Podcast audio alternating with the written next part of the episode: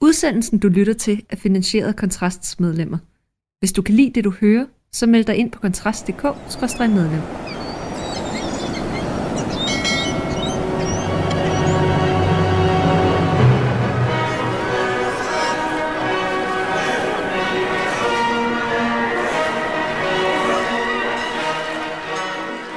Fedt. Så, øh, så tænder jeg på den her nu. Hælder du ikke lige, øh, hælder du ikke lige noget, øh, noget øl op? Jo, nu det, en stor flaske. Det kunne i hvert fald være, være godt til mig. jeg får bare skidt ud for den er dårlig helt op. Ej, det plejer at være Stefan. Jamen, det er rigtigt. Godt. Der er ikke noget bedre end øl i et IKEA-glas. Nå, men, øh, men goddag og velkommen til, øh, til Hårdt mod Styr, vores radioudsendelse. Vi plejer at sige et eller andet om, hvor mange gange det er, vi har været i gang. Jeg tror, det her er vores femte eller et eller andet i den dur. Men det kan også være. Det kan sådan set også være, være lige meget. Med mig, som, øh, som altid, der har jeg Philip Poppel, som er i færd med at, at hælde øl op. Hej Philip. Goddag, goddag. Tak for øl. Jeg kan ikke multitask. her. Og vi har jo også været politisk teoretiker Kasper Stefani. Vel- Velkommen til. Hvad siger vi, øh, hvad siger vi til øllen, Philip? Philip han har lovet at lave en, øh, en øh, udførlig, næsten sådan, hvad hedder det, kældneragtig øh, introduktion til, til den øl, der, der bliver drukket i dag. Ah, ja, ja, det har jeg da. Øh, Jeg kan, jeg kan afsløre, at vi, øh, vi foran, foran os øh, har en, øh, en forholdsvis stor flaske, øh, som Kusma i dagens anledning har taget med. Den hedder, den hedder Seedling, og den er fra en virksomhed, der hedder Slowburn. Og jeg kender den ikke. Jeg plejer, Øh, plejer at sige et uh, bryggeri. Ja, det, det vil jeg også sige. Det er jo det ikke vel også en virksomhed. Okay. Et bryggeriet hedder, hedder Slowburn, øh, og der står på Altså den... Mærsk laver jo ikke øl, for eksempel. Nej, det er jo paraply... Oh. I hvert fald så står der Mixed uh, Femination Ale Aged in Wine Barrels. Hvis du laver en fejl til, så starter vi forfra. Bare lige sådan, du er med på Okay, det. okay. Ja, altså, jeg, jeg, kunne, jeg kunne forstå yes. På Kusma, at han heller ikke aner noget om den, men han synes, sagde, den er at, god. At manden i butikken... Jeg ved stadig ikke, hvad manden i butikken øh, øh, sagde, det, den er god. han, det er i, øh, der, er, der er en eller anden butik tæt ved øh, Dronning Louises bro. Hen, Okay. hvor, hen, hvor den der punkt 1, som der aldrig er nogen mennesker inde i, der ligger sådan en punkt Eksisterer 1. de stadig? Der er, jamen, det, ved jeg. ligger der ikke en punkt 1 der? Det synes jeg, der gør. Ja, jeg ved ikke med jer andre, men min alarmklokke begynder at ringe, når du siger i nærheden af Dronning Louises bro, hvor enhver konservativ burde holde sig langt Jamen, det, er på, fra. det er på den gode side af Dronning Louises bro. Det, Der det, er ikke nogen gode sider omkring Dronning Louises bro i en radius af minimum 500 meter. Der ligger en ølbutik, som faktisk har, har habilt øludvalg, vil jeg sige. Det, er- jeg sagde, jeg ville have noget, og vi fik, øh, vi fik den her. Jeg synes, det er, jeg synes, det er en dejlig øl. Det, jeg kan ikke huske, hvad den hed. Ja, mm, jo, den hedder Seedling. Nej, Nå. butikken. Nå, man bliver altså forvirret. Vi har, vi har også nogle andre øl med, men de er, de er på køl lige i øjeblikket. Det her, Øh, det er en øh, forfærdelig intro. Lad os, øh, lad os gå videre til, øh, til det emne. Vi, øh, Vi vi har spurgt, om den smagte godt. altså, jeg har lige svaret, at den smagte godt. Jeg synes i hvert fald, den er pænt hældt op. Og jeg synes, den smager glimrende i øvrigt. Jeg synes, den er god. Den er fin. Smager lidt af vin, faktisk. Du vil ikke, øh, du også- vil ikke sige, at den lugter et eller andet underligt. Det sagde du med den sidste, vi, vi fik. Jamen, den lugter faktisk lidt underligt. Vi skal lige igennem, før vi for alvor kommer i gang, så skal vi lige, øh, lige have drøftet lidt om, øh, om de gode venner af, af redaktionen. Hvad, hvad de egentlig har, har bedrevet siden sidst. Men det skal vi også lige huske at introducere, at det, Ja, det er jo det- et nyt koncept. Det er rigtigt. Vi, vi, vi, vi, vi fandt jo egentlig bare ud af, at vi så, øh, så ofte øh, taler om de samme personer hele tiden, så nu har de her personer simpelthen fået et, et særligt spot på omkring 5 minutter, for vi kan jo lige så godt give dem deres, øh, deres eget afsnit, og lytter af programmet vil vide, hvem... Øh, Det, det, det er simpelthen en måde at sætte i format, at du ikke bare lige pludselig bryder ind med, med Jeppe Kofod midt i det vi hele. skal have talt om Jeppe Kofod. Apropos Jeppe Kofod. Ej, men, og det er jo ikke en nyhed, vel? Jeg synes bare, det er... Altså, det, det giver mig lyst til at betale licens, at DR har givet Jeppe Kofod billetter til børne MGB. Altså, det synes jeg bare... Jeg, jeg, synes, det er, jeg synes, det er højt format. Altså, bare lige, bare lige være med på den og sige, øh, hvad så Jeppe, kan du godt lide let forklædte børn? Så lige stikke ham fire billetter til, Jamen, altså, til så- børne så-. Altså, så- det, det synes jeg, det, det er høj klasse. Altså, så ved de, hvor han er, kan man sige. Jamen, det er jo det. Det er jo Altså. det. det, det og, det og det var bare lige det, jeg ville have nævnt. Det er det, der er sket øh, siden sidst med Ebbe Kofod. Så er der faktisk sket en ting mere. Og det er lidt beklageligt. Øh, fordi lige nu kan vi ikke få hjemmesiden op at køre, men vi kan godt afsløre, at vi via Kontrast har fået en øh, anonym mail fra en eller anden proton-mail.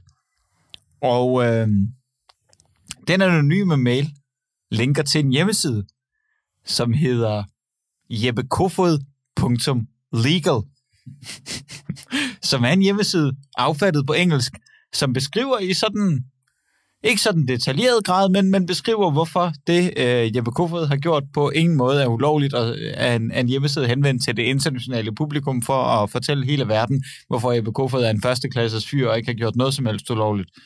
Der står blandt andet et eller andet med, at han, han jo faktisk er en gentleman, øh, fordi han har jo kendt hende der pigen, siden hun var 14, men han er alligevel... Han er alligevel...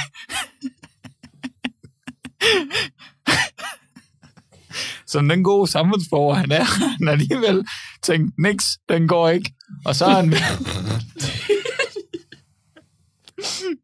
og så har han altså ventet til hun var 15. Jamen, det er pænt gjort. Og først der. Ja. Jeppekofod.legal. Vi skal nok øh, sætte linket op. Hjemmesiden kommer, kommer til at virke lige om lidt. Vi ved ikke, hvem der, hvem der står bag hjemmesiden, men jeg synes, det er, det er godt og nobelt budskab. Men, men han har vel undladt at, at spørge om faren om lov først. Jeg tænker, han er nem at finde. Det er jo bare at stå nede i skolegården, så kommer han jo og henter hende.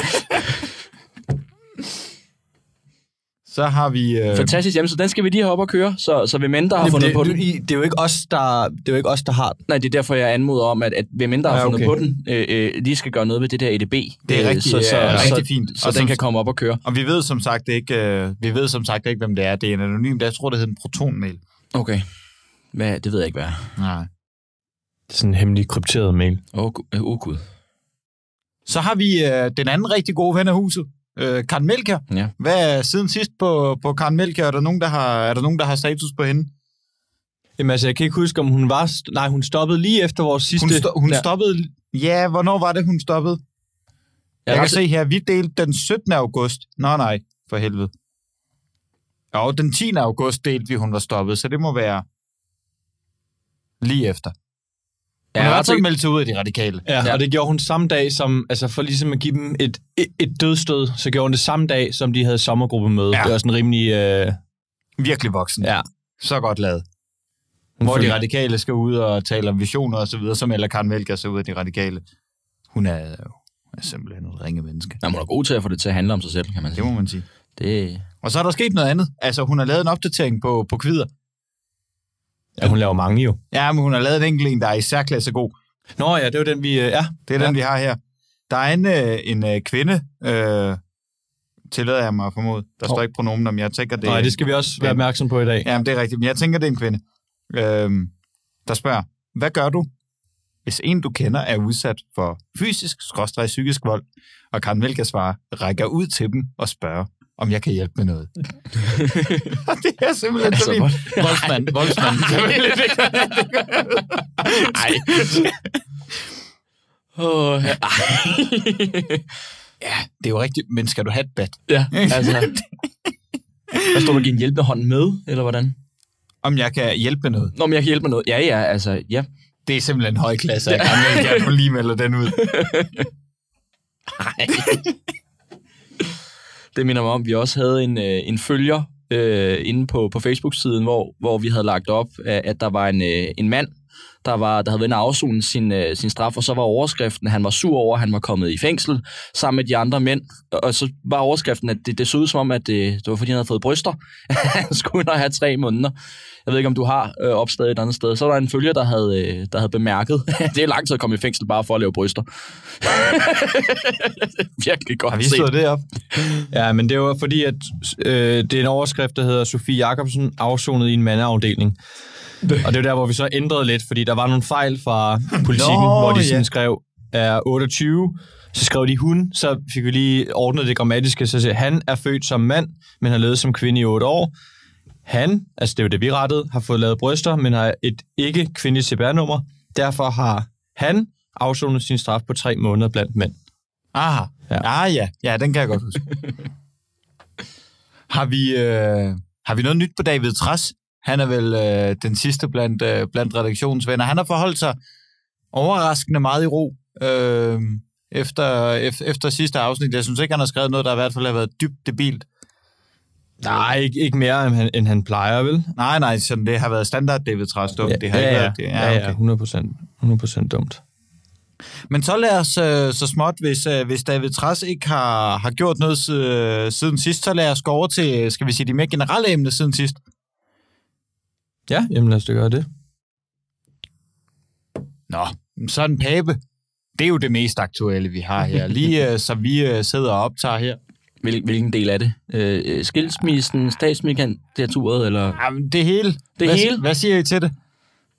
Jamen, altså, øh, øh, hvad er det, hvad, hvad, vi optager den 14. i dag, ikke? Og det, det i dag har, har, har Søren Pape meldt ud, at han, øh, han skal skilles øh, fra sin ægtemand på baggrund. Jeg ved ikke, om det er på baggrund af det. Han er, ægtemanden har været spændende øh, i en lang periode. Øh, Han havde været trælskab længere periode. Altså, det, det bliver jeg bare nødt til at sige, som det er. ja, men det, det, det, det er sjovt sammentræf, ikke? Fordi at, jeg synes, Pape har været meget tilbageholdende, hvem han egentlig har været, den her mand. Og så lige pludselig så eksploderer det bare, og nu bliver de så skilt. Jamen, det er jo ikke lige pludselig. Det har jo været hele tiden. Ja, ja, Altså, der var, at han er blevet snuppet i en spritkontrol i drive-in ved Mærken i Viborg. det er dumt gjort. Det æder med dumt. Og der skete også noget på La Bar. hvor Så har han- fået bank af en eller anden slovener eller slovakker eller et eller andet.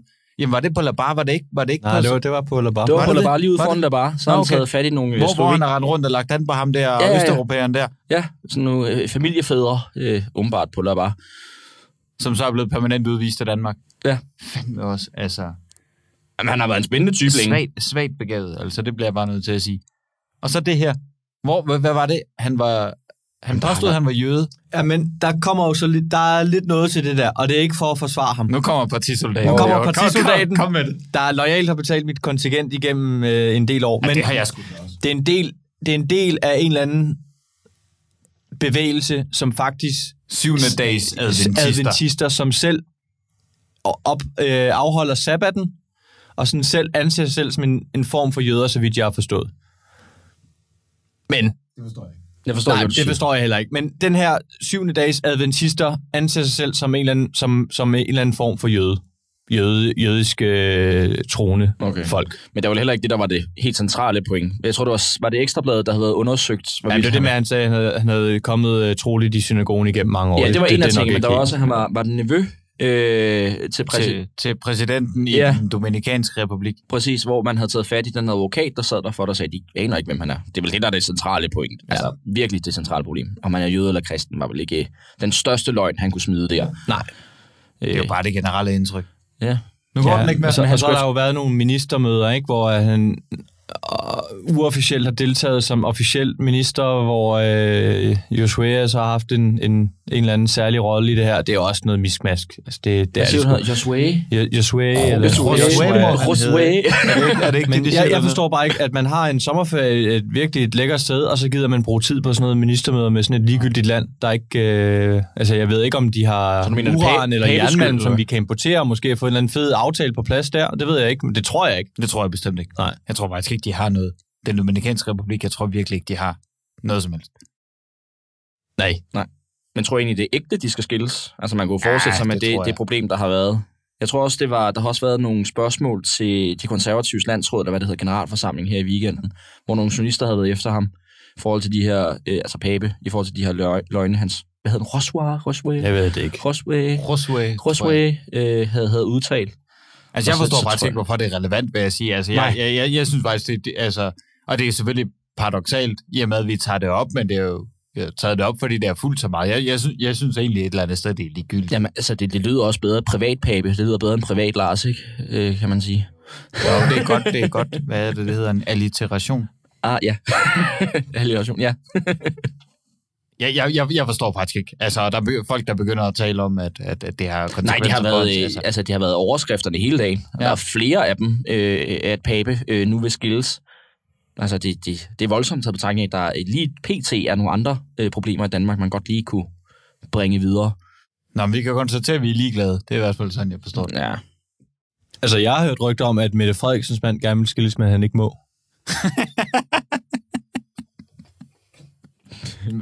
Er det ikke rigtigt, det du siger, eller er det bare Nej, han er simpelthen i et tvangsægteskab. Du ser meget, Nej, det har jeg du ikke. ser Jeg har- meget seriøs ud, når du siger det der. Hvor, hvor, hvor får du sådan noget fra? Herinde. Nå. nu gør du det igen. Du, Ja, du du- sidder det gør det og gang. laver fakter, når vi taler ind i en mikrofon. Ja. Ej, ja. Det kan være, at han har fået en kompensationspakke for at blive hos Mette. De fik flere varmechecks.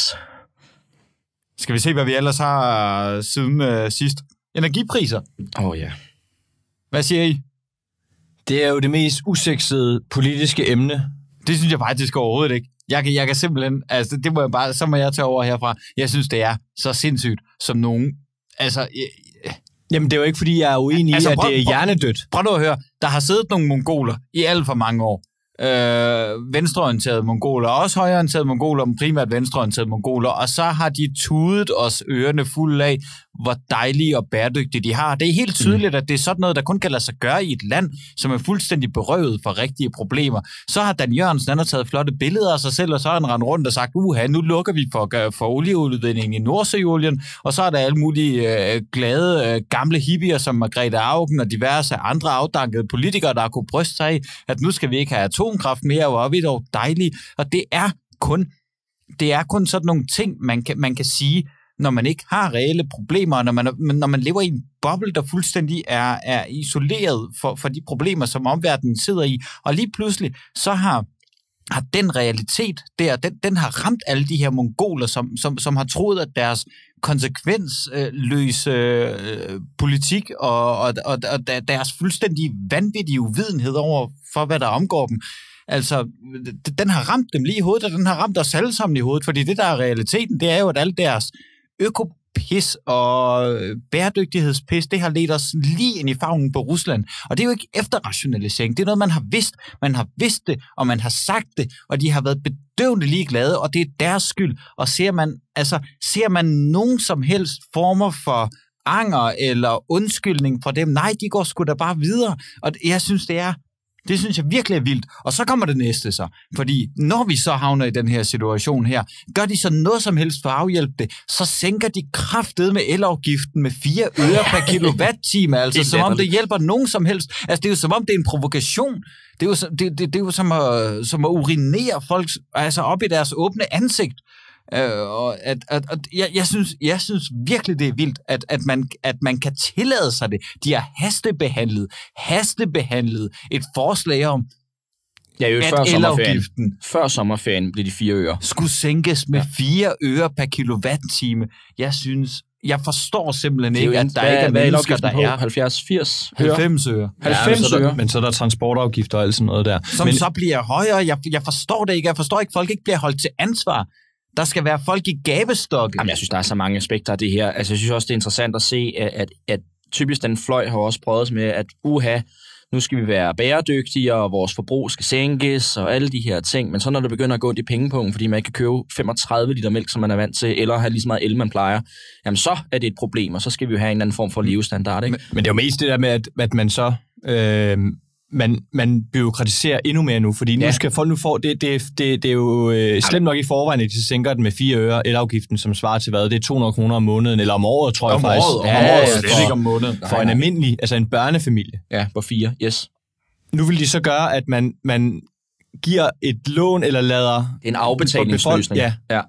Lader folk betale det, det, det, som de så slipper for at betale nu her, den, får de, den bliver til lavet om til et lån, som Ja. ja. nu, ligesom med øh, den der grundskyld, den der midlertidige øh, sænkning eller fastfrysning, så bliver det til et lån, som man så skylder staten senere hen. Så Ja, det bliver det- endnu det- mere det- Og hvem tjener staten. styrtende på det? Det gør staten. gør Altså, staten. det, det er virkelig bare sådan et billede af, og, og når de er blevet spurgt ind til, hvorfor kan man egentlig ikke bare sænke de her energiafgifter? Jamen det er fordi staten taber penge på det. Nå okay, det er faktisk en indrømmelse af, hvem der er til for hvis skyld. Er det borgeren, der er til for staten, eller staten, der er til for borgeren? Det er jo en indrømmelse. Så taber staten penge. Men det handler, det handler om, at de har fået øh, øh, virkelig kæft, skudt i skoene med den her varmesjek, der er fuldstændig ufinansieret, man bare sender ud. Ikke? Det vil sige, hvis vi skal sænke afgiften, skal vi finde pengene et andet sted. Så nu gør vi det om til et lån. Men jeg er fu- du er fuldstændig ret i, at det bliver byråkratisk meget tungere at løfte, fordi det er, jo ikke bare, det er jo ikke bare et lån, du får. Det er jo afbetaling i forhold til differencen af de her 3 kroner per kilowatt-time, man normalt vil sige, og så op, jeg tror, den er på 5 i dag, eller 8, Ja, ja, ved- op på 8. Ved du, hvad det her land har brug for? Mere byråkrati. Ja, og det, er byråkrati. det, det, det, det, det, det, det, er det, det ender med, fordi hvem fanden skal sidde om seks år, som, er, som de har sat til nu? Hvem skal sidde og holde styr på de her borgere, der skal afdrage? Inger kan kun tage 20 kroner, og en anden kan hun. Altså, det er jo fuldstændig latterligt. Det koster penge at have de her ansatte. Og man det, har, eneste, det eneste gode ved den her sag, det er, at Ekstrablad, de er jo første klasse som altid. De, Ej, finder synes, bare, de finder det eneste sted, som bare har brugt den der varmecheck på narko, og så skriver kæmpe, Noget- kæmpe Men også, artikel hvor, hvor mange af de her mennesker, som har fået den der fucking varmesjek der, beklager jeg, undskyld, jeg er bandet faktisk. Øh, hvor mange tror I, der har gemt den varmesjek, som man fik udbetalt Ikke. i juli, nej, august måned, hvor det er aller varmest? Hvor mange gemmer den varmesjek til? Den må vi lige holde indtil Ej, vi det- rent det- faktisk begynder at fucking tænde, nu bandede jeg igen, tænde for varmen, når det begynder at blive koldt. Det bliver måske lige omkring de 10 procent, skal- hvis det kan gøre Men det. er jo så fryd, at de havde planlagt at udbetale den her varmecheck dagen efter den blev udbetalt, og så kom de til at udbetale den en dag for sent jo. eller en dag for tidligt, og de havde planlagt alle mulige storstilede kampagner med sådan mor Mette i sådan en, øh, hvad hedder ham der, Kim Jong-un øh, uniform og så videre, og nu- kommer den almoderlige leder her og giver jer varmesjek, og så, og så var der bare en eller anden kæmpe skinke, der Eller var-.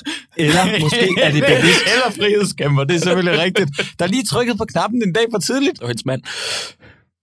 og hvor er det bare sjovt, og så er, det, altså- og så er de gået fuldstændig i panik dernede i alle ministerier. Jeg har bare ikke anet, hvad de skulle gøre. Nej, nej, nej, men det, En- det, det, Enten en idiot eller en frihedskæmper. Det ved jeg ikke. Men, men lurer mig om ikke, det forhåbentlig ender med at blive en uh, kæmpe tabersag for, for regeringen. Det tyder jeg synes, det kunne være interessant at kigge, hvis man kunne kigge ud i timeglas og bare sige 10 år ude i fremtiden og se, okay, hvad det egentlig koster staten at, at sænke afgifterne, altså markant, en, meget mere end 4 øre i forhold til de udgifter, der jo formentlig kommer forbundet med alt det her. Altså nu har de ikke gjort tabet op på, at vi skal have flere ansatte til at håndtere de her øh, øh afdrag. Men, men hvad, hvad, hvad taber vi egentlig på det, at folk ikke kan betale tilbage om seks år? Hvad har det kostet flere medarbejdere? Og så sætte de to tal op mod hinanden og sige, okay, havde vi faktisk tjent på at, at sænke afgiften? Det kunne være lidt spændende at se. Det tror jeg, man ville, fordi administrativt er det tungt, det de har gang i. Og jeg ved heller ikke, helt, hvordan de har tænkt sig at gøre det, fordi de vil lægge det ud til elselskaberne at gøre det. Altså, der, der er mange, mange dumme ting i, i, i det, der er kommet i dag. Apropos dumme ting, Philip, du var sur over de nye barselsregler. Nå ja, for fanden. Øh, ja, ja, ja, ja. Jamen, det, det, der er kommet ny barselslov. Det, øh, Kusma, du er helt sikkert vores, øh, vores bedste ansættelsesretter inde i rummet. Det, du laver det faktisk til dagligt. Det er, det er en måned. Det er 1. september, den nye barselslov øh, i 2. kraft. august. 2. august. Øh, så det er ved at være halvanden måneds tid siden.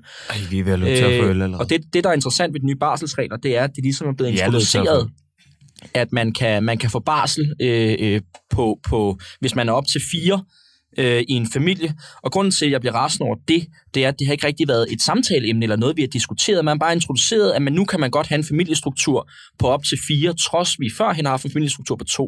Det er ikke, fordi jeg nødvendigvis er pisse sur over, at vi nu har fire, men det er ikke rigtig blevet drøftet. Ja, man har bare brugt det som en eller anden løftestang til at Ja. løfte alt muligt woke piss, som Ja, ingen har bedt om. Altså, en ting er, at de nye barselsregler i sig selv, altså, man kan mene om, hvad man vil, men det er jo bare et eller andet fuldstændig absurd grundlag, hvor EU mener, at de pludselig skal bestemme, altså, hvor meget der skal øremærkes til den ene eller den anden. Og den diskussion har vi haft før i Danmark. Vi har haft den adskillige gange, og vi er blevet enige om øremærkning. Det gider vi ikke. Og så sidder der sådan nogle, altså, der sidder to typer parlamentarikere i EU-parlamentet. Der sidder haspins, og der sidder wannabes. Altså, mongoler er den ene og den anden form. Ja. Altså, og, så, og, så, og så sidder de bare og gennemtrumfer ting ud fra en eller anden præmis om, at selvfølgelig har det der betydning for hele Europa, at barsel bliver øremærket. Og det er så, hvad det er, men det var så meningen med det. Og, og det, der så sker i virkeligheden, det er jo så bare, at der kommer det, og så kommer der alt muligt LGBTQ, halløj og regnbuefamilier og sociale forældre. Og så det bliver bare snedet ind. bliver bare presset ind, og der er faktisk ingen, der har talt om det. Nej. Jeg, Og det- jeg, og- tror, jeg tror, at det her lokale er, er, er det første lokale, hvor jeg sådan hører altså den reelle debat om, hvor vanvittigt det egentlig er, at man presser alt muligt woke halløj ind i... Det kommer jo snigende lidt. Det begyndte også at komme snigende i sådan noget racismeparagrafen og så videre, ikke også?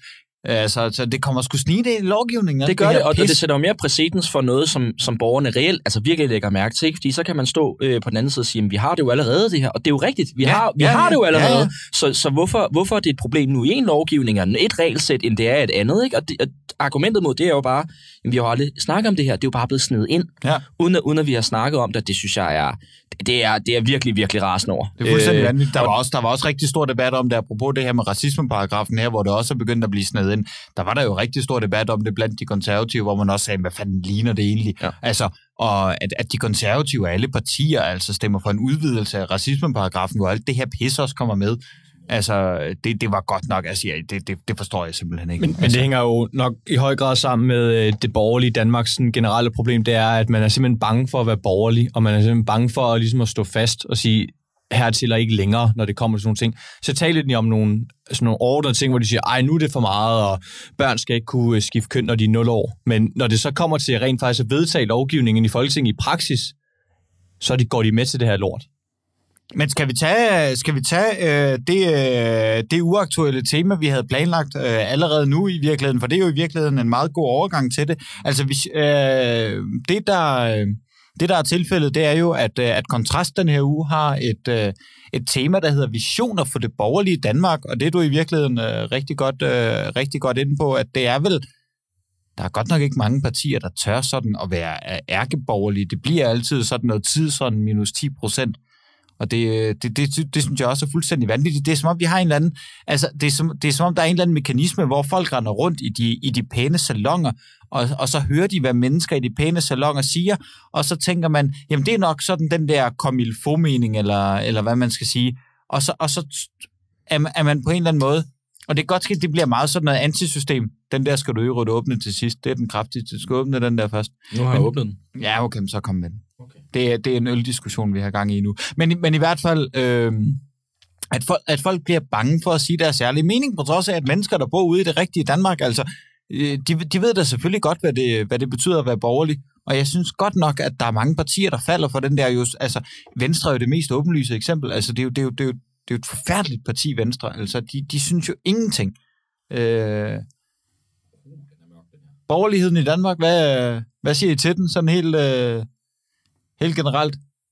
Hvilke partier har vi sådan, eller, eller enkeltmennesker som repræsentanter vi har, jo, vi har jo, det tror jeg også, I er enige, og vi har jo kun et parti, øh, desværre, og det er jo... Øh, det er jo, altså, og det gør nærmest ondt at sige, men det er jo Liberale Alliance, Ja, jamen, som, som, det. som jo er det eneste, som rent faktisk ti, tør sige de upopulære ting. Altså, vi kan jo bare se med, med de konservative med, øh, at så blev det her kørt op med, at de vil have 40.000 færre offentlige ansatte. Som om det var et kæmpe problem. Altså, siden corona der er blevet ansat 20.000 flere offentlige ansatte, og det er jo primært som poder og alt det her øh, corona-fis, vel? De er stadig, altså, det antal er stadigvæk ansat. Ja, men det er... Det, Og så skal man begynde at forsvare sig og sige, ah, men det er jo ikke det, vi, det, er jo ikke det, vi i virkeligheden ville, og det er nogle helt forkerte tal, I tager osv. De tør ikke stå ved det.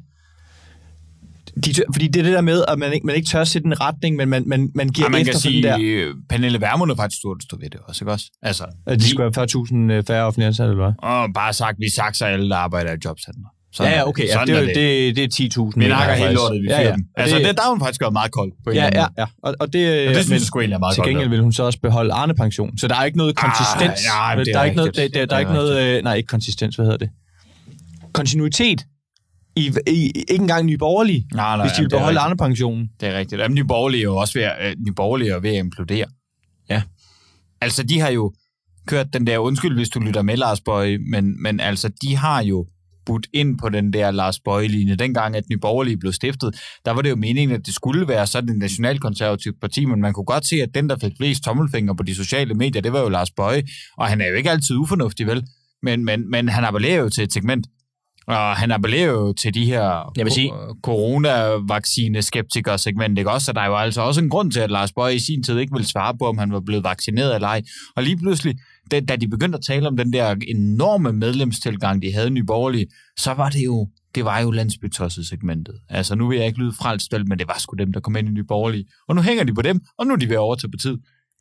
Jamen, det er rigtigt. Jeg kan, apropos øh, øh, debatten om, om, hvor det borgerlige Danmark bliver lidt af. Jeg kan også huske, da, da Nye Borgerlige blev stiftet. Altså, det, for mig at se, så var det meget sådan DF's nationalpolitik kombineret med LA's økonomiske Ja, præcis, politik. præcis. Og det, det, Mads er, Holgers, det var jo Mads Holgers politiske program.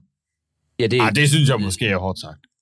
Det var da. Altså, han sagde da meget tydeligt, at det var Liberale Alliances økonomisk politik og Dansk Folkepartis udlændingepolitik. Altså, jeg tror, det væsentligste, der øh, Mads Holger fik sagt om den debat, det var vel, at han gerne ville have en kone, der lavede mad som en DF og var liberal i sengen. det er så også godt sagt. Det er faktisk virkelig, altså, det er virkelig, det er virkelig et, et, et, et citat af høj klasse, men Og, altså... og konservativ hjemme hos svigerfamilien, det er den altså god. Ja, kon, ja, men der var et eller andet med, at hun skulle være konservativ et eller andet sted. Konservativ ude i byen, tror jeg, og så Ah, være ja. liberal i sengen, og så lave mad som en DF. Ja, det er, det er ikke dumt. Det er, hold da op.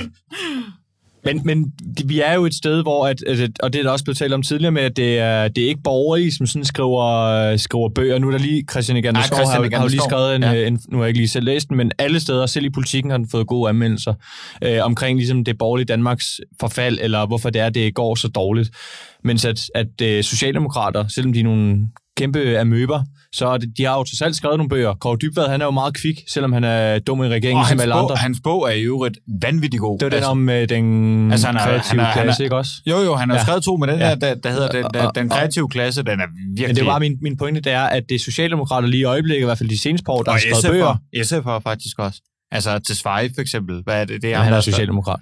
Nå ja, det er da rigtigt. Han er jo blevet ja, socialdemokrat. Øh, SF'er, de, de gør ikke så meget ud over at sige, gør hvad, hvad Mette Frederiksen siger. Eller melde sig ind i Socialdemokratiet. Eller gør det, ja. Men, men, altså, men, Ja, men det er rigtigt. men det borgerlige Danmark, der er ikke nogen folketingspolitikere udover ja, Henrik Dahl, som skriver bøger, som er sådan relativt, øh, sådan, af, af god, god kvalitet. Jeg ved ikke, om der er andre borgerlige politikere, der har skrevet en bog. Lars Løkke, som har skrevet en eller anden... Jamen, han har jo bare skrevet en biografi, han Ja, ja, ja, ja, præcis. Men der er ikke nogen, der skriver noget ideologisk. Jamen, er, der- er der egentlig ikke det? Er der, er der, Der er Henrik Dahl. Der, Hvem fra de konservative har skrevet en bog?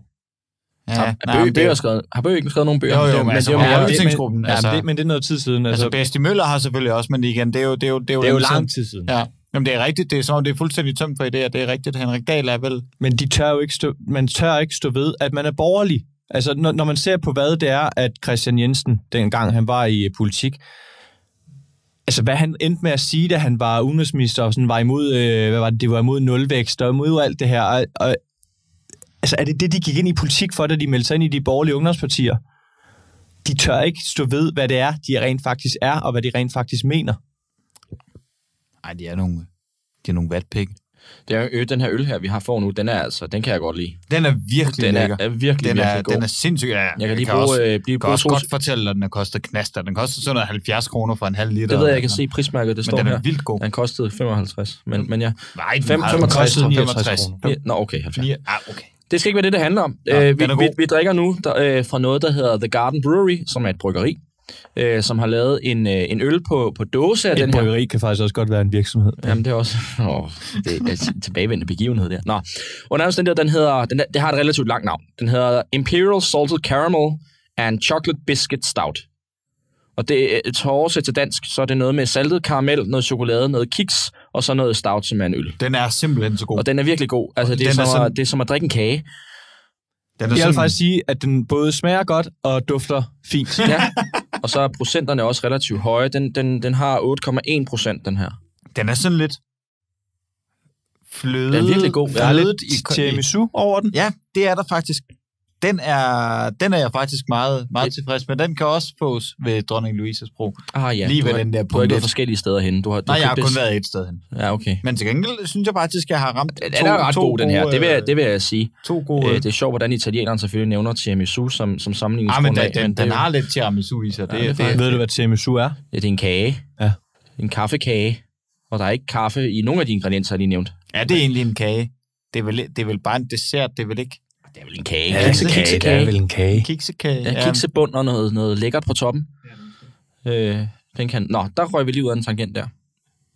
Det står skidt til det borgerlige Danmark. Ja, det jeg tror også, det var det, vi var... Og det prøver, det prøver kontrast så at adressere. Ved at Ja, den Men her, også, jeg frygter virkelig, altså selvfølgelig håber man jo, at de konservative kan tage magten, fordi at uanset om man er konservativ eller ej, hvis man bare er borgerlig, så ved man jo, okay, de, de konservative er så selv lige marginaler mere borgerlige end, øh, end Ellemann og company.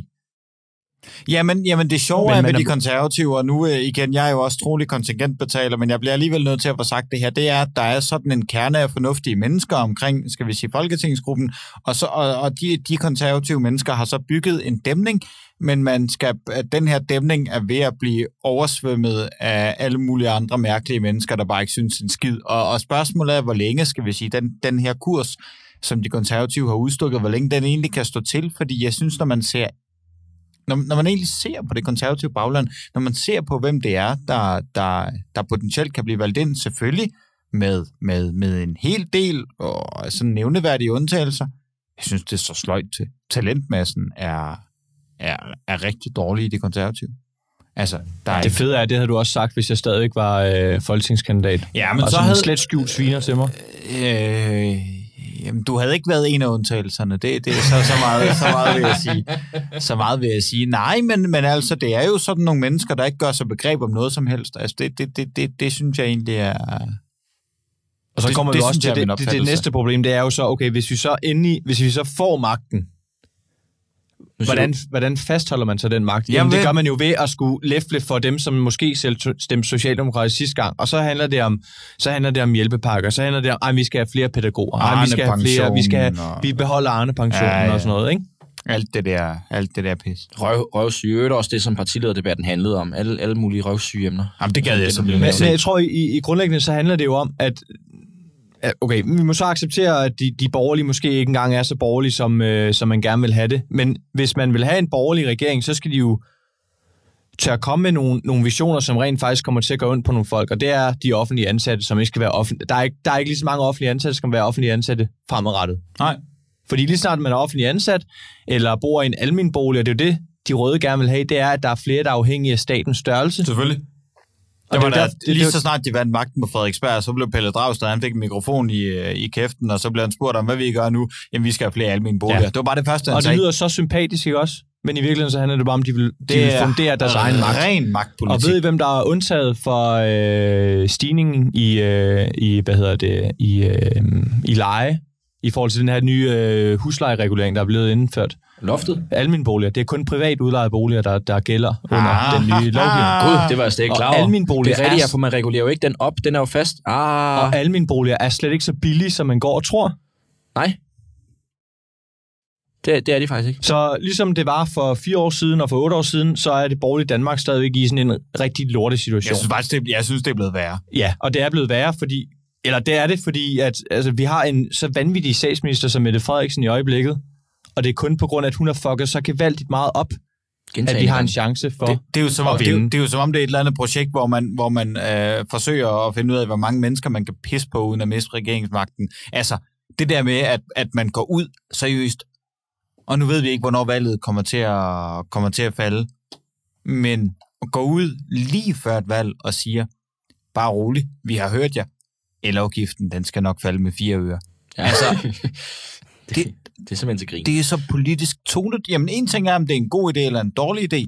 Det er dumt. Men det er sjovt, at vi talte faktisk om det her med Mette Frederiksen før under corona. Øh, hvad hedder det? Lige da corona startede, og det begyndte at gøre lidt ondt på Danmark, der får Mette Frederiksen den her lønforhøjelse på et eller andet x kroner. Ja, det var Midt i også- det hele. Og jeg, jeg kan huske, vi talte om det bare, det var, altså, det havde ikke gjort noget på hende, og ikke at fortælle lønforhøjelsen nu, men hvorfor går hun ikke bare gratis ud og siger, den skal jeg Ja, ikke have, det er bare for at få nogle stæv. Det er det synes så jeg er så... tonet. Men det er sjovt, fordi der har været, der har været sådan to, to elementer i den her regeringsliv. Der har været de første to år, hvor de bare har været usårlige, og så har der været de sidste to år, hvor de bare har været galopperende mongoler. Ja. Altså, de har været, altså, de er nede på et niveau, hvor jeg kunne være deres politiske rådgiver. Altså, det, det er fuldstændig vanvittigt. Jeg sidder sådan på daglig basis og tænker, hvorfor er I så dårlige til jeres arbejde? Der må være nogle professionelle mennesker, der lever af det der. Der må der være nogen, der rådgiver hende. Der må der være nogen, der, altså, hjælp dog kvinden. Jamen altså, hun siger jo... Hun lider jo. Hun er ude, hvis hun ikke siger undskyld direkte, så, så omformulerer hun det, hun har, har sagt tidligere. Altså, det er jo simpelthen det er helt håbløst, øh, det der foregår på den side. Nå, men det var ikke mange visioner, vi havde for det borgerlige Danmark. Ej, jeg tror, vi- ja, jeg tror, men det er jo meget sigende for det borgerlige Danmark, at vi taler om, hvor, øh, hvor, hvor, hvor dårligt det går, og så ender vi at tale om, hvor meget vi egentlig havde med det Frederiksen. Og det er jo meget ligesom det, som de borgerlige fokuserer det, på det var, øjeblikket. fordi det går mindre dårligt for os, end det gør for de andre. Men man kan jo også godt forstå, hvorfor det er, de fokuserer så meget på hendes, hendes ledelse, eller mangel på samme. Altså fordi hun, hun, hun, jeg synes, hun virker ret skræmmende. Men man burde også kunne balancere det med at man sige, okay, nu har vi talt rigtig meget med det, nu bliver vi også nødt til at gå ud fælles, og, altså, og det kunne være Venstre og Konservative, som nu kæmper om at blive statsminister. Så gå der ud fælles og sige, okay, vi er enige om det og det og det. Vi har jo ingenting. Hvem der bliver det? Nej, men det, men det er jo sådan... Ham der sinken til Jacob Ellemann, han skal jo også ud og kritisere den, den økonomiske plan nu. Uh, her nej, vi er mere Ja. socialdemokrater. Jeg siger bare, det er jo meget, meget, det burde være, og der er, der er også nogle retarderede, som så rådgiver de borgerlige partier, fordi det, det eneste, der kræver for, at, at, de, at Socialdemokraterne stopper med at sige, ah, men prøv at se over de borgerlige, de ikke engang styr på, hvem der skal være statsminister, det er, at de kommer ud med en eller anden fælles idé eller vision om, vi gør det her, vi sænker skat, øh, selskabsskatten med det her, vi vil have så så mange færre offentlige ansatte, som, som skal ud i det private have nogle bedre vilkår i øvrigt, det og bedre jo løn. ikke. Nej, det er Nej, det, men vi, det burde de jo gøre. Ja. Vi hører de, meget. de burde jo samarbejde Ja, og sige, ja. okay, vi Jo, har jo, de her er de rigtigt. visioner. Vi hører meget lidt om det, fordi altså modpolen, øh, øh, Socialdemokraterne, de her eksisterer bare. Det er det eneste, man hører. Det er bare, bare at skud efter. Og du havde faktisk eksemplet før, det her med, med færre offentlige ansatte. De borgerlige svar er typisk, at vi skal, vi skal sænke byråkratiet, det er administrationen, der skal væk, men i virkeligheden, deres plan er jo, der skal også fyres Jeg vil gerne- dem, jeg der vil- ikke er produktive nok. Apropos det der med færre offentlige ansatte og mindre byråkrati. Hvornår har der nogensinde været et, et, et, en, øh, nogle partier eller en regering i noget som helst land, som er gået til valg på mindre byråkrati, hvor der så rent faktisk er kommet mindre, by- Jeg kan mindre på noget i hvert Det er fald. aldrig nogensinde sket. Det offentlige tager fattelig lang tid, fordi de skal jo spørge deres chef, deres fætter og deres søster, før de overhovedet kan gøre noget som helst. Ikke? Og øh, med de ord skal vi også, øh, skal vi også videre. Nu Nå. har vi været rasende længe nok. Ja, okay. Og lad os, øh, lad os gribe til de andre ting, der er sket øh, siden sidst. Har vi ikke også en brevkasse? Den, den når vi så ikke, eller hvad? Jo, vi gør. Vi skal nok nå det hele. Ellers så, altså, man kan sige, jeg har det lidt på den måde, at vores lyttere må selv bestemme, hvor lidt liv de har. Og hvis de har lidt liv, så lytter de vel til det, hvis det går mere end en time. Rune ved vi altid vil lytte med. Ja, han er, han er trolig. Og han skriver altid, han har skrevet til mig igen. Men det kommer, det kommer vi måske, det kommer vi Åh, måske til. Han skal Vi næsten kan- være en del af vinderne. Hvad hedder ham der kristendemokraten, som også er en af vores lyttere? Eller som ikke er kristendemokrat mere. Jeg, jeg har glemt, hvad han hedder. Hvad fanden er det? Jens Rode. Nå. Nå. altså, det er bare en antagelse, vi... Nå, ja, okay. Han fik, han fik vi ikke med ind under vennerne. Jamen, han er ude af politik nu, så han er ikke ven af huset mere. Nej. Nej, det er selvfølgelig rigtigt. Hvad med Simon Spies? Kunne han oh, blive en ven af huset? Ja. Hvad siger vi Altså- til altså øh, det er dokumentar om Simon Spies? Jeg har faktisk ikke set dokumentaren, men jeg har, jeg har, jeg har Men læst... du har en holdning til jeg, det. jeg har en holdning, ikke desto mindre. Det er rigtig det, stærkt. det, er derfor, jeg sidder her og Det er ligesom øl. mennesker på nationen, der går ind og så læser de overskrifter, så skriver de bare rasende kommentarer til det. Det er jo dig i podcast. Ja, jamen, jeg, jeg, falder, jeg falder fuldstændig i bare at se, jeg kigger ikke på indholdet, men jeg har en mening alligevel. Det er jo kodeord til at være aktivt dum. Det er jo gå ind og læse overskrifter, og så bare skrive kommentarer til det. Jamen, det er ikke forkert. Men, men, men altså, skal jeg lægge ud? Har du set dokumentaren, Stefani? Nej. Nej, okay. Altså, jeg har set første afsnit, det kan jeg lige så godt sige, og det har jeg gjort mig, det har jeg gjort mig resten. Så vil jeg gerne lægge ud. Oh, okay. Jeg har læst en overskrift. Ja, jeg har også læst en overskrift, at, han, at jeg skal sige undskyld. 38 Jamen, år efter hans død. Prøv nu at. Okay. Der var en gang, øh, hvor, hvor man havde nogle adfærdsregulerende regler. Man havde et eller andet med, at man ikke skulle have sex for ægteskabet og så videre. Det var sådan nogle, nogle regler, der regulerede øh, øh, øh, det, man kalder, kvinders... det, man kalder normer. Ja, fuld, fuldstændig adfærdsregulerende normer. Så var der nogle mennesker på et tidspunkt, der groede langt hår, og, og sagde, at, at de regler gider vi faktisk ikke have mere. Og så rendte de rundt, der var så nogle forbandede hippier, og, og, og så ville de bare lige pludselig øh, rende rundt og have det, have det for sindssygt, og alle regler var dårlige, og fuck forældre, og fuck skoler, og fuck, ud, øh, fuck uddannelsesinstitutioner. Det skete cirka sådan der omkring i slut 60'erne.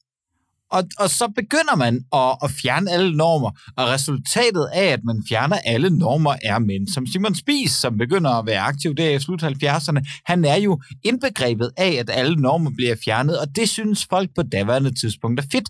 Folk synes ikke, det er grænseoverskridende, og det åbenlyse eksempel er jo, at det selv sammen DR, der render rundt og whiner nu over det, det er jo dem, der er front, altså promoter for Simon Spies, sammen med alle dagblade, alle aviser, de synes alle sammen, at det er sindssygt fedt. Han er et barn af, at alle normer bliver afskaffet. Og Han tager endda også billetter på det. At Ja. Lev Simon Spies, øh, gør som mig, øh, have sex med 17 kvinder i løbet af en det er jo aften. sindssygt ulækkert, Ja. men, det er jo netop, men det er jo netop, fordi alle normer bliver afskaffet. Og nu, lever, nu, nu kommer vi så tilbage til, til, til nutiden, hvor man alligevel har fundet ud af, at det var knaldretarderet at afskaffe alle normer, der overhovedet fandtes i samfundet. Vi vil faktisk gerne have nogle normer. At løsningen så er alle de der MeToo-psykopater, der findes derude i verden, deres løsning er forkert, men det de prøver på at sige er i virkeligheden, der skal være nogle normer.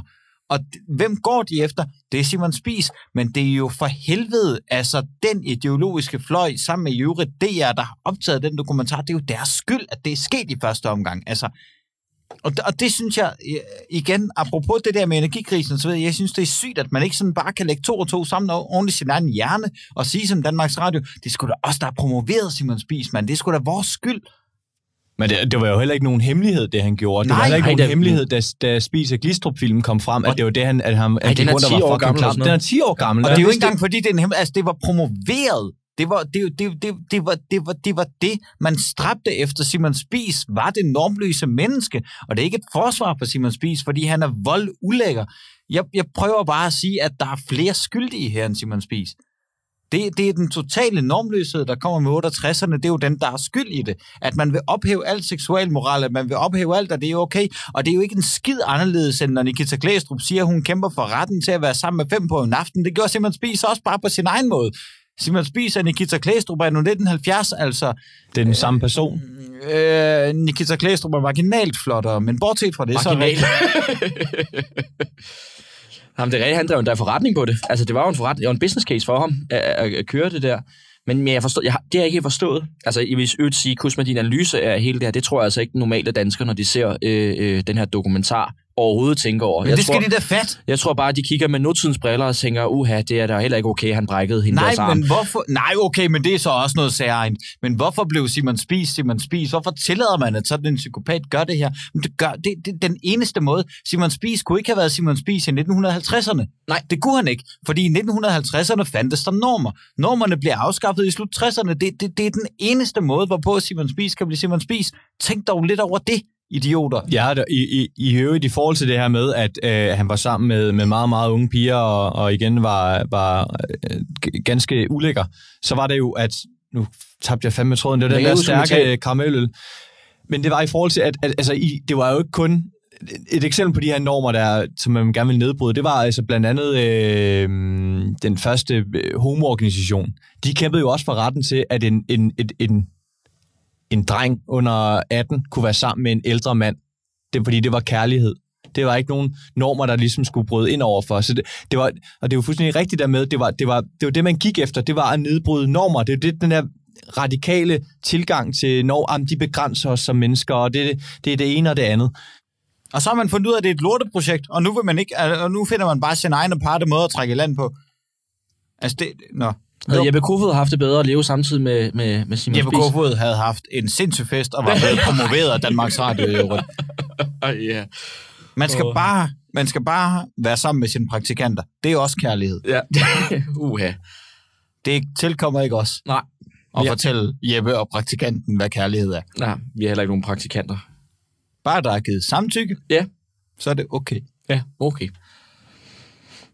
Hun elskede ham jo så meget, så hun lige brød i gråd bagefter. Ja, ja. Så meget elskede hun ham. Selv når vi introducerer redaktionens venner, så får han alligevel sned ind. Jeppe Kofod. Det var sgu da dig. Nå, ja. Det synes jeg er en overset Nå, vi- vinkel. vi Det var skal- glædestårer. Nå, ja. I hørte det her først. Stefani sidder også og græder nu. Nå, vi har lige øh, en, en lille øh, sidste siden sidst. Det er, hun kunne næsten godt blive en ven af huset. Ejda Mai. Ejda Mai, hende fik vi øh, nævnt til, til sidste radioudsendelse. Vi øh, nævnte, at den traditionelle venstrefløj i venstrefløjspartier altid bliver overhalet venstre om. Og der nævnte vi øh, Pelle Dragsted og Ejda Mai som to gode eksempler, hvor Pelle Dragsted han øh, helt åbenlyst bliver overhalet venstre om af Ejda Mai. Øhm, sidenhen har Ejda Mai øh, skrevet øh, til os, og, øh, og har benægtet, at, øh, at det her har fundet sted. Og der bliver vi bare nødt til at sige, at øh, redaktionen spreder selvfølgelig ikke øh, falske nyheder.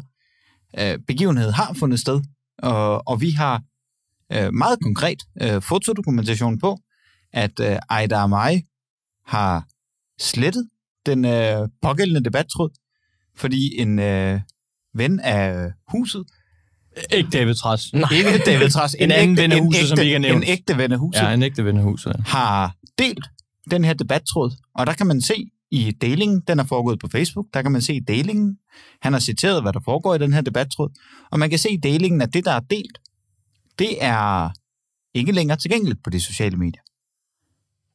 Så det må jo være slettet. Det synes jeg faktisk er lidt, øh, det, det, det er faktisk er lidt hissigt at skrive ind til os, at nej, nej, det er ikke fundet sted. Det hænger jo grandgiveligt sammen med, at hun er blevet hovedbestyrelsesmedlem i enhedslisten. formentlig, ja. Men øh, den har fundet sted, den her diskussion, og vi kan se, at den efterfølgende er blevet slettet. Bare lige for Ja, at vi, understrege. vi var lige ved at skulle til at sige undskyld. Men, men jeg den, overvejede den, faktisk, om vi skulle til at sige undskyld, hvis vi havde været Ja. retfærdige over for hende, men man kan, altså, jeg, jeg vil bare sige, det har fundet sted, og det er blevet slettet. Øhm, det, det, det kan man simpelthen se øh, sort på hvidt. Så ej, der er mig, hvis du, øh, hvis du hører det her, så bliver det ikke en undskyldning herfra. Det er også, det er også fornemt, at vi henviser til billeddokumentation øh, øh, fra en radioudsendelse. Nå, men vi har, vi Ja, har, vi vi har- har, altså, vi er vi, i vi, vi, besiddelse vi er, af ja, billed, øh, billeddokumentation. vi, er, vi har den i hende. Ja, det er Øh, rigtigt. Og det vil du vide, det er det vigtigste. Jamen, det er sandt. det er sandt.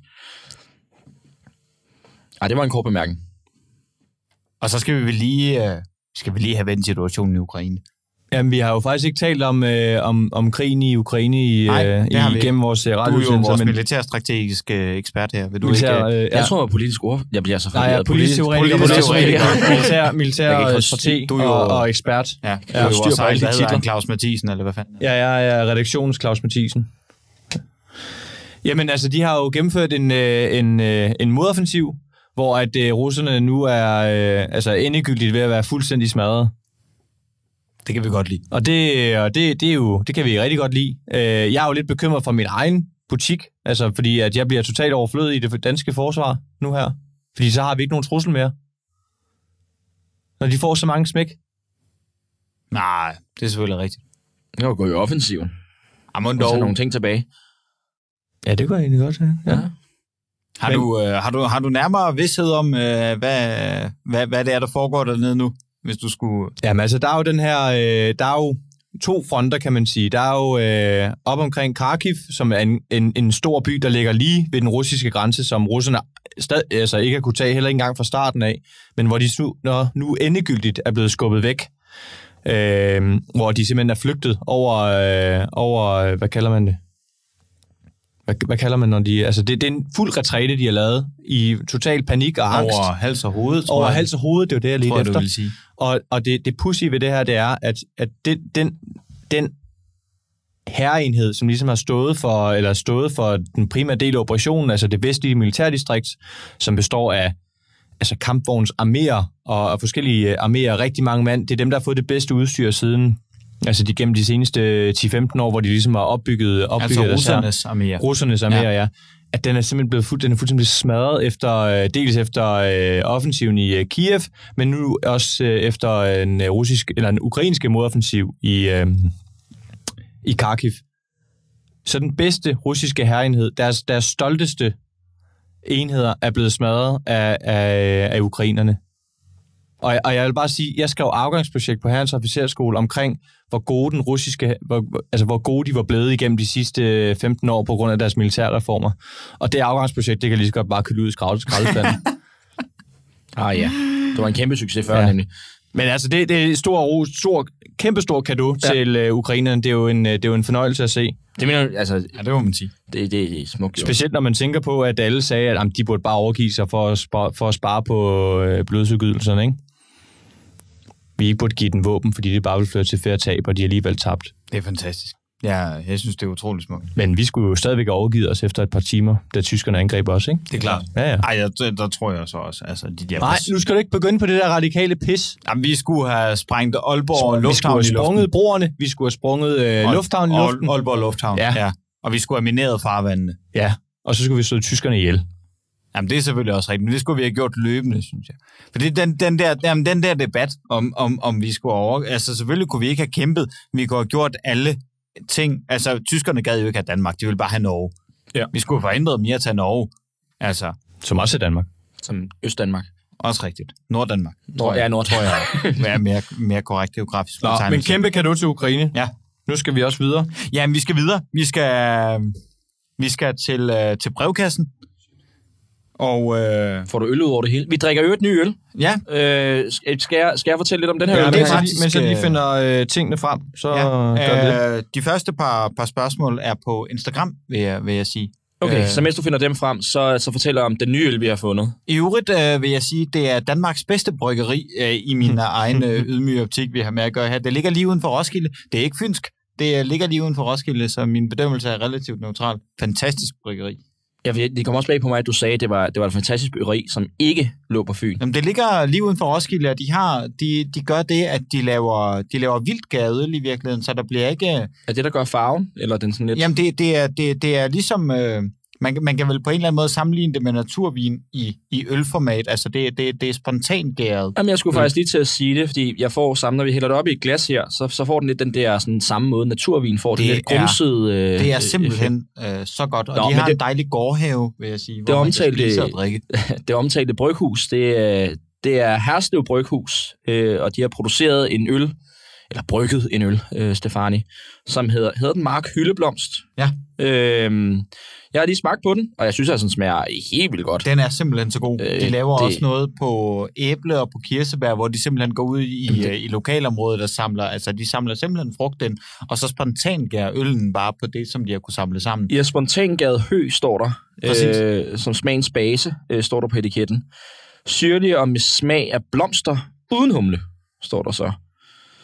Øh, og så står der lidt om øh, Herslev Bryghus. Du ligner ikke en, der kan lide den. Stefani, han er ikke tilfreds. Det ligner ikke noget, han plejer at få. Kan I ikke bare for en gang skyld tage en, en pilsner med? Det har vi gjort. Det brokker du da også over. Nej, det gjorde jeg ikke. Jeg har aldrig brokket mig over en pilsner, men det er, fordi jeg ikke har fået nogen pilsner. Jeg Jo, synes jo, det virkelig, har du. Jeg Men- synes virkelig, den er god. Synes bare, det her, det her specialølfis, det, det er ved at tage overhånd. Jamen, så må du da tage øl med. Du har, faktisk, tid. du har faktisk ikke Du taget kom- en eneste nej. øl med øh, på noget Du tidspunkt. kom i for sent i dag. Ja, Ja. ja. fanden Ja. ja. Jamen, altså. Nå, men det, det er i hvert fald det, vi drikker, øh, og den her, den har de der 4,9 procent, så, så en væsentlig reduktion i forhold til det, det spektakel, vi fik før.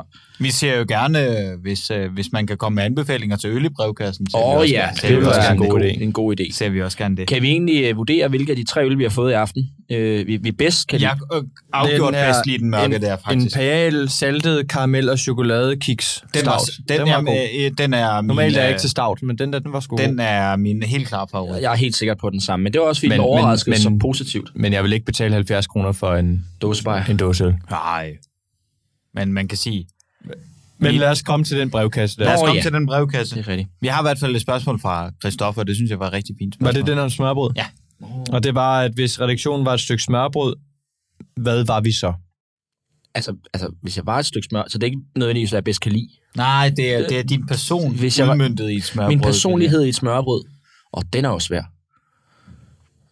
Altså ikke bare, du var sådan en jævn kartoffelmad, er du ikke det? Sådan helt, helt, helt standard, men fungerer, basic. fungerer altid. Alle bestiller jo kartoffelmad. Jeg bestiller fandme ikke Jeg kartoffel. bestiller, bestiller heller ikke kartoffelmad. Nej. Okay, jeg plejer ikke at have fisk først, og så lige en kartoffelmad, og så Ja, måske lige lidt, lidt tartar, og, og, eller noget rostbøf. Eller, Altså, jeg er en æggerejer hele vejen igennem. Nede på Frederiksberg Diner, der får man ikke tatar. kan man ikke det? Der får Men, man et stykke det smørbrød. hedder ikke også som- tatar til smør. det hedder også Tatar er da ikke normalt til smørbrød, er det det? Nej. Det synes, nå, Nej, det jeg er... synes, det smager fantastisk. Det, det, Altså, jeg, men jeg, jeg er en æggerejer. du er en æggerejer. Jeg, jeg, jeg, jeg vil Kan- gå kan så langt som at sige, at øh, hvis jeg skal have to stykker smørbrød, så bestiller jeg to æggerejer. Men det er derfor, jeg spurgte til at starte med. Det er jo ikke, hvad du bestiller. Det er, hvilken smørbrød forestiller dig, du er. Ja, jeg tror, jeg, jeg, jeg holder med poppel her. Det er, hvad man er, ikke Ja, hvad man og det synes jeg gør det lidt sværere. Altså, men, er, man er, hvad man spiser. uh, touché. Hvad, hvad er du så, Kusma? Jamen, det er lidt det, jeg, det, er lidt det, jeg tænker over. Det er et shot vodka, måske. En sidevogn. Jeg tror godt, jeg kunne være sådan en Christian Søsild. Åh, oh, hvorfor? Hvorfor er du en sild? Er det, Jamen, sådan lidt... det, er, det er sådan lidt ulækkert, når man prøver det første gang. Men så efterhånden vender man sig til det.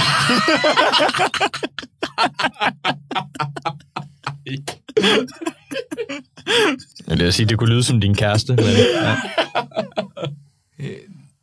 Nej, det er jo min kæreste syn på mig, ved det sige. Ja, ja, ja, ja. Min kæreste, hun er sgu okay. oh, ja. Altså, du er en, du er en sillemad. Sådan en kryddersild. En krydder, en kryddersild. Der er aldrig nogen, der har kunne lide kryddersild første gang, de spiste det, vel? Ja, altså jeg, jeg, jeg tænker over i, i bare almindelig hvid sild, og det er mest, fordi man prøver det en gang, og så vælger man det aldrig igen. Det er rigtigt. Ja. Det er, det er sgu for kedeligt. ja, det er det. Der er så mange bedre. Bedre, ja. øh, Fisk i havet, som man siger. Så må vi lade det stå hen i det uvisse Vestefania. Det er simpelthen ikke. Jeg sagde, jeg var en æggerejer. Jamen, det har du ikke på, på nogen som helst måde Hvad er forklaret. den mest du italienske smørbrød? Det er jo ikke... Det er jo, det, Skinke, findes jo skinke ikke. med italiensk salat. Ja, det, uh, ja. Super ulækkert smørbrød i øvrigt. Hvad for noget? Skinke med italiensk salat. Ja, den er ikke så god. Forfærdeligt. Men jeg vil jo gerne reklamere for noget, uden at jeg har... Altså, det er jo ikke noget med hashtag reklame, men, men øhm, Hvid Svinestue, som ligger jo det mest turiststed midt på, oh, ja. midt Ja. på, Ja. midt på Hvid Kongens Nytorv. ja. ja. Der kan man jo få tre stykker øh, smørbrød, altså uspecificeret selvfølgelig, men man best- og en øl til 89 kroner. Ja, det er et herligt Og den pris har holdt i, altså lige, lige så længe jeg har levet, tror jeg. Og der skal I lige, jer der lytter med i Jylland, det er billigt i København. Ja, Det ja, er ja. meget billigt. Jeg tror også, det er billigt i, i Jylland. Hvor fanden an på, hvor du er. Ja, sådan, 89 sådan okay. dyrlægens, den får man fra en døver. Uanset hvad. man taler så meget, man taler, den stjæler man. man taler så meget om inflation, men den har sgu ikke ramt hvid svinestue endnu. Nej, de Jamen, er også det- ligger der altid. Det vil jeg, det vil jeg gerne øh, lige øh, øh, anbefale. Og det ligger Ej, lige ved siden af, lige ved, lige ved siden af Togas svinestue. Så, God anbefaling. ja. Hvad har vi ellers i øh, brevkassen? Jeg ved i hvert fald, at vi øh, i brevkassen, der er vi blevet øh, bedt om øh, dine anbefalinger til torskefiskeri i København og omegn. ja, Det vil jeg gerne høre. Altså, Det er som, faktisk anden gang, så jeg synes alene i herdigheden fortjener, ja. at vi bliver nødt til at tale sætte det nu. Altså, der, der er jo lige en ting, og det er jo, at øh, EU har besluttet, at øh, man ikke længere må hjemtage torsk fra Københavns Havn, fordi man siger, at der er for meget, øh, jeg tror det er kviksøl. Forurening, ja. Så, men altså, det, det er sådan set det er rimelig bedøvende med. Har Det, det EU spiser jeg Fanger bare. alligevel ikke noget stort nok til at spise. Ja, ja. De har hævet øh, grænse, eller sænket grænseværdierne for, hvor meget kviksøl der må være i øh, de fisk, man spiser. Så de lavet nogle øh, prøver af Miljøministeriet, og det så viser, at øh, de torsk, der er i Københavns Havn, det må man ikke spise, fordi at det er super farligt. Men de bedste steder i Københavns Havn, det er øh, lang linje. Der kan man også fange øh, makraller og nogle gange også øh, hornfisk og, og torsk. Det er der, jeg har fanget min største torsk. Altså i flertal, eller den, den største torsk? Der er de største torsk, jeg har fanget, det har været omkring øh, lang linje. Der bor også øh, vilde mink, Der bor også vilde mink omkring øh, lang linje, ja. Det gør der. så det er Rigtig søde. dobbelt frihedskamp. Det er ægte frihedskamp. Og så er der også på den anden side af... Nu skal jeg lige, jeg skal lige prøve at finde det. Jeg synes ofte, når man ser de der fiskesteder rundt omkring i København, der Det er står omkring, hedder det ikke Nordhavns-tippen også? Er, Jo, er det ikke det, ja, det hedder? men lige vest derfor, der, hvis man går ind på Google Maps og søger efter dokken, så lige vest derfor, der er sådan en... Øh, øh, ligesom sådan et, et hak ind, der er også ret godt til, til torsk. Sejlede. Jeg Der kan man tit finde mig, øh, der ser meget frustreret ud og aldrig fanger noget. Det er lige ved siden af den ødelagte traktor. Altså der, hvor der var en makrel, der sked på mig. Ja, nej, nej, det var, det var på lang Jamen, det var, nej, nej, det var... Var det der? Ja, ja, det var der. Okay, jeg troede faktisk, det var på lang Der var flere makraller, der Der skød er i hvert fald en kæmpe stor ødelagt traktor, der bare har stået der i evigheder. Ja, men i hvert fald imellem... Øh, ja, lige vest for, for, for Dokken hedder det. Det er jo et gammelt, øh, dår, rigtig dårligt øh, spisested. Tager du ud alene, når du er ude at fiske, eller Jeg tager du tager ud og reflekterer over demokratiets tilstand. Ah, så du står der et par minutter. Men, men det er de steder, jeg kan anbefale, og man må gerne øh, hive fat i mig, hvis man ser mig øh, bande og svogle over tingens tilstand. Du fanger jo heller ikke noget, hvis du står og, og banner, kan man Han fangede den der makrel, der sked på. ham. Det er rigtigt. Vi fangede faktisk mange makraller den dag. Har De er jo godt nok små, makreller. men øh, det er jo fint. Ja, men ja, vi det var min anbefaling der. Vi er blevet bedt om også lige som det sidste i brevkassen at tage stilling til, hvilke statsminister vi egentlig godt kunne tænke os i Danmark, hvis Ja. man ser bort fra Estrup, og så selvfølgelig Pape og Ellemann og Mette Frederiksen. Og det, det må tolkes som sådan nulevende, ikke også? Ikke nødvendigvis. Jeg, Det, det indgik der ikke i spørgsmålet, men, Okay. det, men det må man måske formode. jeg tror, jeg vil gøre det, gøre det tullet. Øh, jeg tror, jeg tror Slytter havde jeg nok set. Han er død. Nej. Han er død. Det er for kedeligt. Han har også været det. Men Det vil bare være aktuelt lige nu. Han gav Altså, os udlændingeloven i 83. Det var ikke okay. Ja, men han introducerede også noget økonomisk politik, som måske kunne, kunne give mening i dag også. Nedsænke forbruget. Jamen, Hvad var det, hed? øh, Kartoffel, kartoffel, kartoffelkuren. Måns Glistrup sagde engang, hvad gør lave skatter, når du får hugget hovedet af med en krumsabel? jeg, jeg, Men- jeg, faktisk, jeg er faktisk, Jamen, altså, hvis, vi, hvis vi skal fjerne de der 40.000 offentlige ansatte, så er det kun Måns Glistrup, der kan sørge for det. Ja, Glistrup? Ja. Ja. Yes, Yes, ja, Minister ja. for afvikling af offentlige ja, det var, virksomheder. for, det var stærkt sagt. Det var, det, det Men var... hvis vi, skal, hvis vi skal sige en, øh, en nulevende, altså... Hvad med i den periode, vi selv har levet, måske? Kan vi, kan vi sprede den så langt? For jeg ved ikke, hvad fanden jeg vil vælge nu. Så tror jeg, jeg vil til få. Kan ikke bare sige, Ej, godt, der har ikke statsminister. Altså, han udvidede den offentlige sektor. Men Han hvad- overhalede Nyrups han er nødt til at 2010-plan. tage det perspektiv. Jeg har Nyrup, levet, han lagde en levet- 2010-plan Du skal stoppe med jeg at gå har- i ja. perspektiv. Jamen, ja. Hvad vil Hvad- du også, hvad har du jeg også gerne rose Jeppe Brugs, eller hvilken socialdemokratisk minister? Har også Eller Jeppe? Kofod. Eller Jeppe Vil du gerne Kofod. rose ham? Der var ingen, der Svar forstod. på Der var ingen, der spørgsmålet. forstod. altså, Ja. mand i forkert. Han var undervurderet i sin samtid. Alex, han kunne virkelig ødelægge ting for den offentlige sektor. Det ville være fedt. Jeg fik sådan meget god. Statsminister. Henrik Dahl, han kunne Ja, også Henrik ødelægge Dahl var ting. også. Ole Birk, han kunne fucking smadre ting. Nå, men jeg, jeg, ja, Ole Birk var en elendig trafikminister. Det eneste, han fik igennem, det var ja, de okay, her han fik lukket Uber. der. Det var selvfølgelig noget lort. Ja, det var dårligt lavet.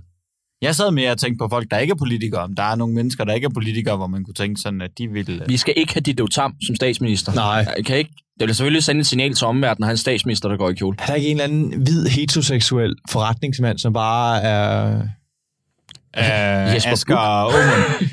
Jesper Buch? Øh, jamen, Asger Aumund, han, Han er god. flipper lidt nogle gange. Ja, det er også det, der gør ham god. Ja, okay. Jamen, Jesper Buch, øh, en kongetro, Ja. ja, det, den, den, den kunne jeg faktisk godt se for mig. Han kunne bare smadre ting. Han, han slår mig bare som værende, undskyld mig, enormt uintelligent. Jeg er egoistisk. Han har bare været heldig, Jesper Buch. Ja. Yeah. Altså, det skal jeg ikke kloge mig på. Men han har i hvert fald tjent nogle penge. Han solgte nok ud for tidligt, men han har i hvert fald tjent nogle penge. Hvad var det, Glistrup sagde? Statsministerposten skal afskaffes. Ja, ja, han, han, Ja, han vil... øh, minister for øh, afvikling af offentlige virksomheder. Ja.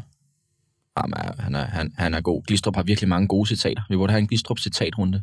Skal vi lige uh, runde af med vores Estrup og Ellemander Ja, til, det til, kan vi den godt. her, til den her runde her? Hvad, Mm. Pavel, hvad har du med? Men Skal jeg starte? Ja, skal du ikke? Jamen, jeg, jeg, jeg vil sige, i, i, i dag, øh, den 14. september, med pressemøde i forhold, vi har også været inde på det tidligere, med, med den her afbetaling, der skal være øh, for at redde øh, de stigende el, elpriser. Det, det synes Vil jeg du skal... gerne give Mette Frederiksen en, øh, en Estrup, eller er det det, du er ude Du plejer at give dem til Socialdemokrater, kan Ja, man det, sige. det er selvfølgelig rigtigt, men det vil jeg faktisk ikke gøre i dag. Jeg giver den en begivenhed. Jeg vil selv også sige, at at den, det udspil, der er kommet i dag, eller, eller det, det kommer igennem, at det her lån... Du vil give hele regeringen en Estrup. I har alle sammen været så smadret dygtige. Ingen kunne se den komme. Nej, jeg vil gerne give det en Ellemann, eller i hvert fald nominere det til en Ellemann. Øh, løsningen på, øh, på, på en, af- hvad hedder det, forhøjet el, den synes jeg er øh, grundlæggende fuldstændig retarderet. Afbetalingsløsningen er så dum og giver ikke nogen mening. Øh, og jeg mener, det kunne have løst, i hvert fald fra det politiske perspektiv, smartere. Eventuelt øh, sænke afgifterne i stedet for. Hvad med dig, Stefani? Hvad har du med?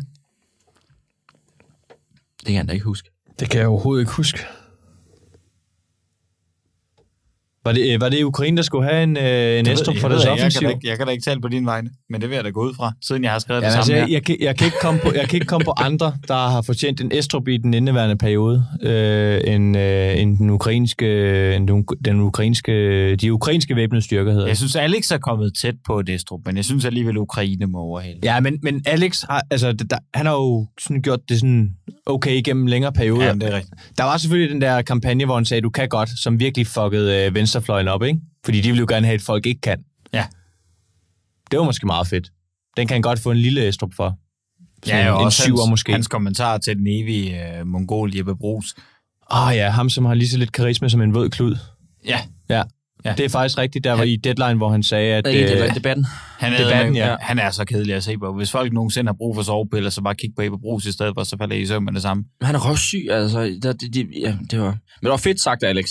Det, det kunne noget. Ja. Og til dem, der ikke er klar over det, det, det handlede grundlæggende om, at, øh, øh, at skatteministeren begynder at tale om, at øh, det, det hæver jo bare øh, øh, Papes øh, øh, privatøkonomi, og så svarer Alex meget prompte og siger, hør her, det handler ikke om Papes privatøkonomi, det er uhederligt. Hvorefter han debatten." i øvrigt siger, at Jeppe Brugs jo må tjene lige så meget. Ja, jo, det må han jo så også ændre. Ja, og der grinte folk, det var sygt underligt. hvorefter hele Deadline-studiet griner af Jeppe Brugs. Det var simpelthen så fint. Ja, det var fedt. Det kunne- fortjener han. Ja, han har virkelig været træls. Ham og Magnus Høj, jeg tror, ham og Magnus Heunicke, det er det samme menneske. Det er fordi folk er blevet trætte af Magnus Heunicke. Jamen, det Så er de bare kaldt ham noget andet. Åh, men fandme De er det det, samme også menneske. hinanden, ja. De er fuldstændig det samme menneske. Ja, men det er i hvert de er fald lige også så kedelige, og de er lige så dumme. Hvad Apropos havde Jeppe du? Brugs, Hvad havde du? Jamen, jeg, jeg har Jeppe Brugs. Øh, på kvider skriver han, som sagt mange gange før, tak til erhvervslivet. Nå nej, det er hans undskyldning. Vi skal lige have fundet hans oprindelige, øh, vi skal lige have fundet hans oprindelige kvider her.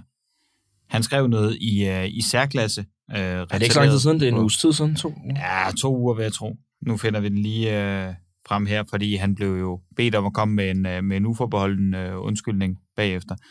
Men nu finder vi lige hans øh, super dårlige radio, det her i øvrigt. Ja, jeg beklager. Men, øh, men skal vi se, om vi lige kan finde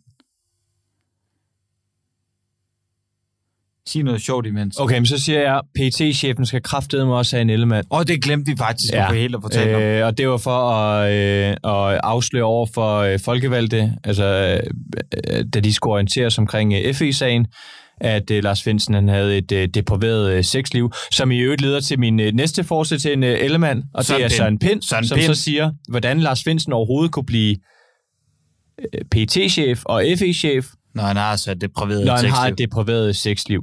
Søren Pind, han er blevet dummere. Han er Søren- sådan vred på den forkerte måde, synes jeg. Øh, Ja, ja, ja, fuldstændig. Søren Pind. Jamen, nu har jeg jo øvrigt Jeppe Brugs her, som skriver om regeringen tævlerpakker under coronakrisen.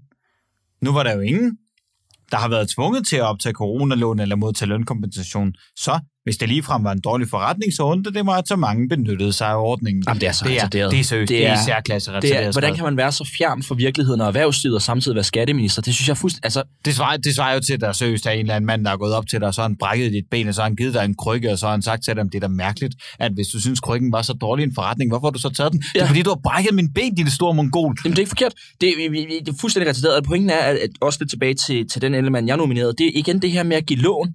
Altså, vi har lige Ja, ja, evidens for, at erhvervslivet, de bløder voldsomt på de her coronalån, og lige nu, Ja, hvor fordi de skal deres betales... virksomhed er blevet lukket. Ja. Du må ikke holde åbent. Her har du et lån. Nå, okay, men så tager jeg det det. Nå, hvorfor ville du have det, hvis det var en dårlig Ja, det er forretning? det, er fuld- sgu da fordi, du har lukket min virksomhed, din store skaldede mongol. Men, men tror, tror, I, de, tror I, de inderligt mener det, de skriver? Eller Selvfølgelig gør kan de, han da det. Det tror han, jeg, han det har da gået ud og sagt undskyld for det. Det har da været han op- det? Ja, ja. Han, okay. han har jo slettet det der bagefter. Det blev trukket sagt, ned det, meget, har da- meget Det har da været hans særlige mening. Altså, han, han, han er jo en... Han er fuldstændig så, så virkelighedsfjern, som overhovedet noget kan være. Han overhovedet mener, han, han skal... Han, jeg, jeg bliver rasende. Altså, han er virkelig elendig. Han, ham vil jeg sige, er det bedste nomineret, vi har til en Ellemann. Jamen, det er jeg meget enig i. Øh, øh, vi overhovedet har. Han er helt nede på en Ellemann. Og herved, så tror jeg, at vores radioudsendelse, den øh, slutter. Den er gået 10 minutter over tid. Øh, jeg håber, det har været det værd. Vi har været... Øh, Jeg ved ikke, om vi har været vrede i dag, eller hvad vi har været. Jamen, vi har været sådan lidt kedelige og savlige på en eller anden måde, og vi har ikke været morsomme, men øh, det reflekterer jo vores normale personlighed, så jeg håber, I kan, I kan komme jer over det. Vi ses øh, på et øh, tidspunkt. Tak for i dag, Philip. Og Tak tak, for for i dag, Kasper. Ja, og øh, vi lyttes.